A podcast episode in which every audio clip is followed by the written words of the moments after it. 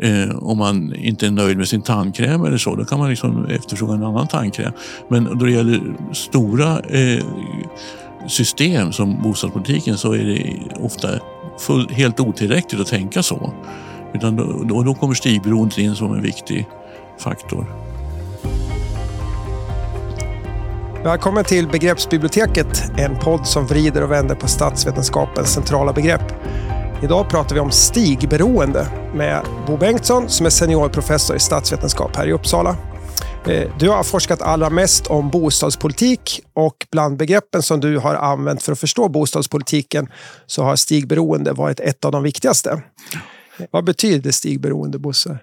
Ja, jag vill nog definiera det som att stigberoende innebär att beslut och händelser vid en viss tidpunkt, som vi kan kalla för A, eh, gör vissa handlings och utvecklingsvägar eh, som i övrigt är rimliga, att de blir svår, stängda eller svårtillgängliga längre fram vid en annan tidpunkt som vi kan kalla B. Det är liksom mitt, mitt förslag till definition av stigberoende. Om vi delar upp det här i lite små bitar, då. Mm. vad är det för slags tidpunkter du tänker på? Om man föreställer sig en tidpunkt A och en tidpunkt B? Va? Ja, eh, de är lite olika. Tidpunkt A är ju då någonting händer. Eh, någonting händer som ändrar på historien, så att säga. Som kan vara en stor historia, det kan också vara mindre stora saker. Men det typiska är att det är någonting som, som eh, liksom bestämmer det fortsatta sti, den fortsatta stigen. Så att säga. Mm. Och det kan vara ganska små händelser som inte uppfattas som väldigt betydelsefulla då de sker. Eller, eller beslut. Men, men sen upptäcker man senare, till exempel vid tidpunkt B, då, eh, att det har, har ändrat förutsättningar för politiken eller samhället. Och då eh, kan man ju säga då att, att det, det det, det är först då, det för, ofta är det viktiga beslutstillfällen då man ser vilka alternativ som är tillgängliga eller som diskuteras, som inte hade kanske diskuterats vid den första tidpunkten A. Så jag brukar kalla eh, tidpunkten A för ett kritiskt vägskäl och det kan liksom ha att göra med, eh, det behöver inte vara någonting som man uppfattar som viktigt då. Men tidpunkten B eh, kallar jag för en eh, politisk fokuspunkt där liksom man ser hur aktörerna vilka alternativ de beaktar, vilka de inte beaktar och vilka de liksom in, inte tar så allvarligt på och vilka som är centrala. Och, och det liksom, ur, ur det kan man härleda vad, vad som egentligen det som hände på tidpunkt, vid tidpunkten A, vilken betydelse det fick. De här handlingsalternativen.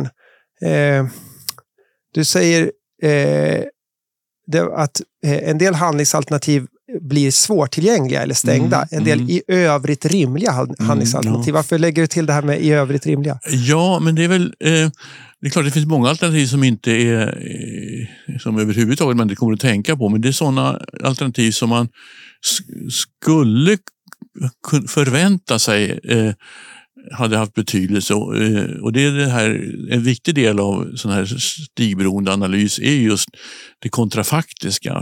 Hur hade det varit om det inte hade hänt någonting vid tidpunkt A? Och ett sätt som jag har använt mig av i vissa projekt är att jämföra med andra länder. Jag hade ett projekt om bostadspolitiken i de nordiska länderna och där eh, kunde vi se att alternativ som var aktuella och centrala i debatten, till exempel i Danmark eller Finland eller Norge, var inte alls aktuella i Sverige och vice versa. Och det, det, det kunde vi härleda stigberoende tillbaka till till ganska tidiga beslut som, som sen påverkade hela det bostadspolitiska systemet eller regimen.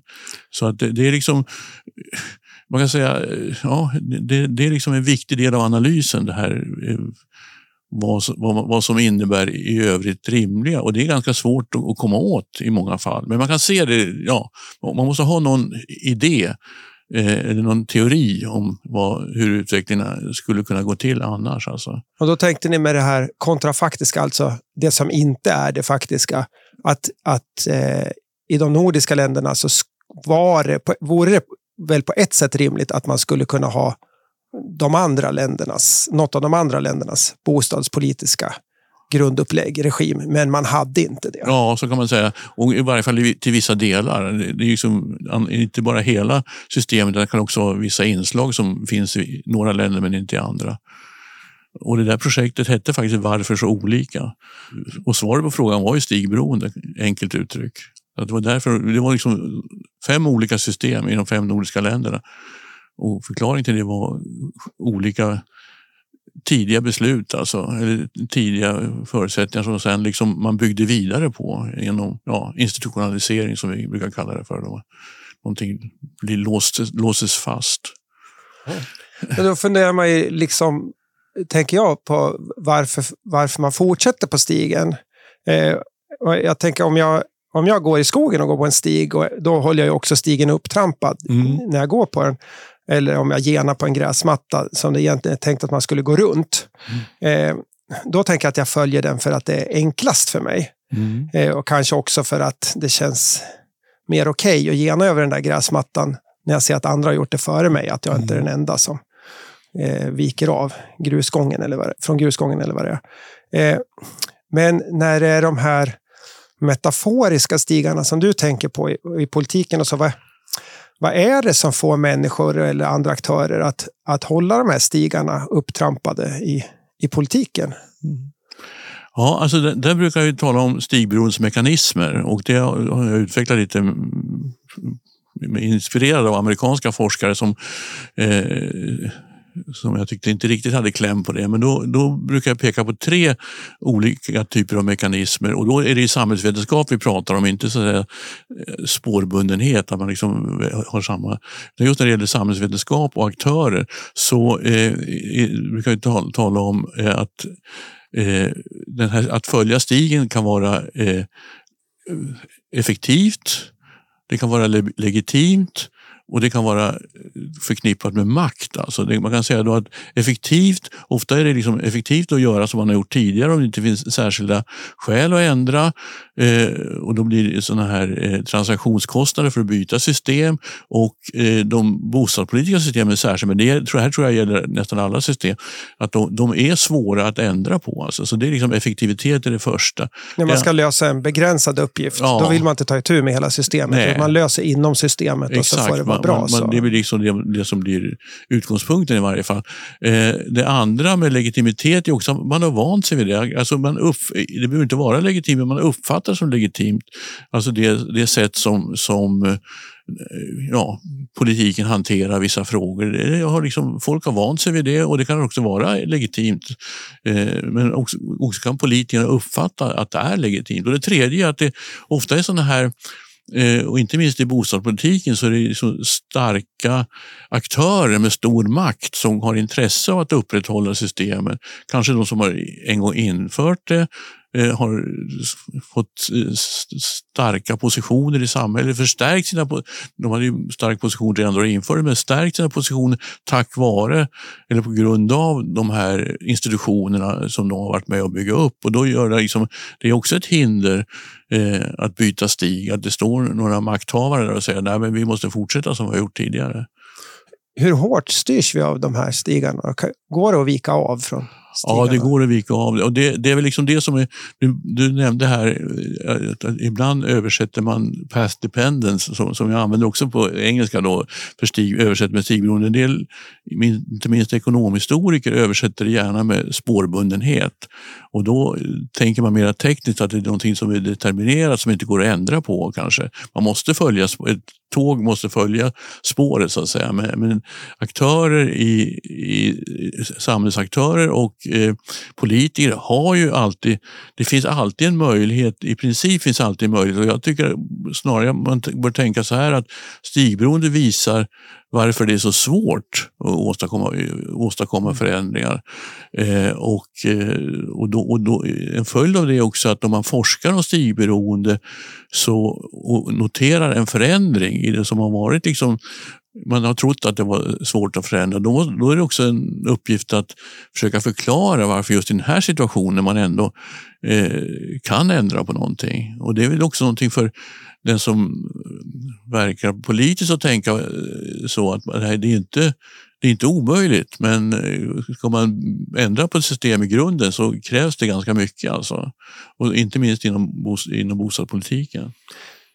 Men om man inte förklarar en situation med stigberoende, det är lätt att tänka sig att det på ett sätt alltid är stigberoende, men Hur förklarar man det? Vad är, vad är alternativet till att förklara med stigberoende?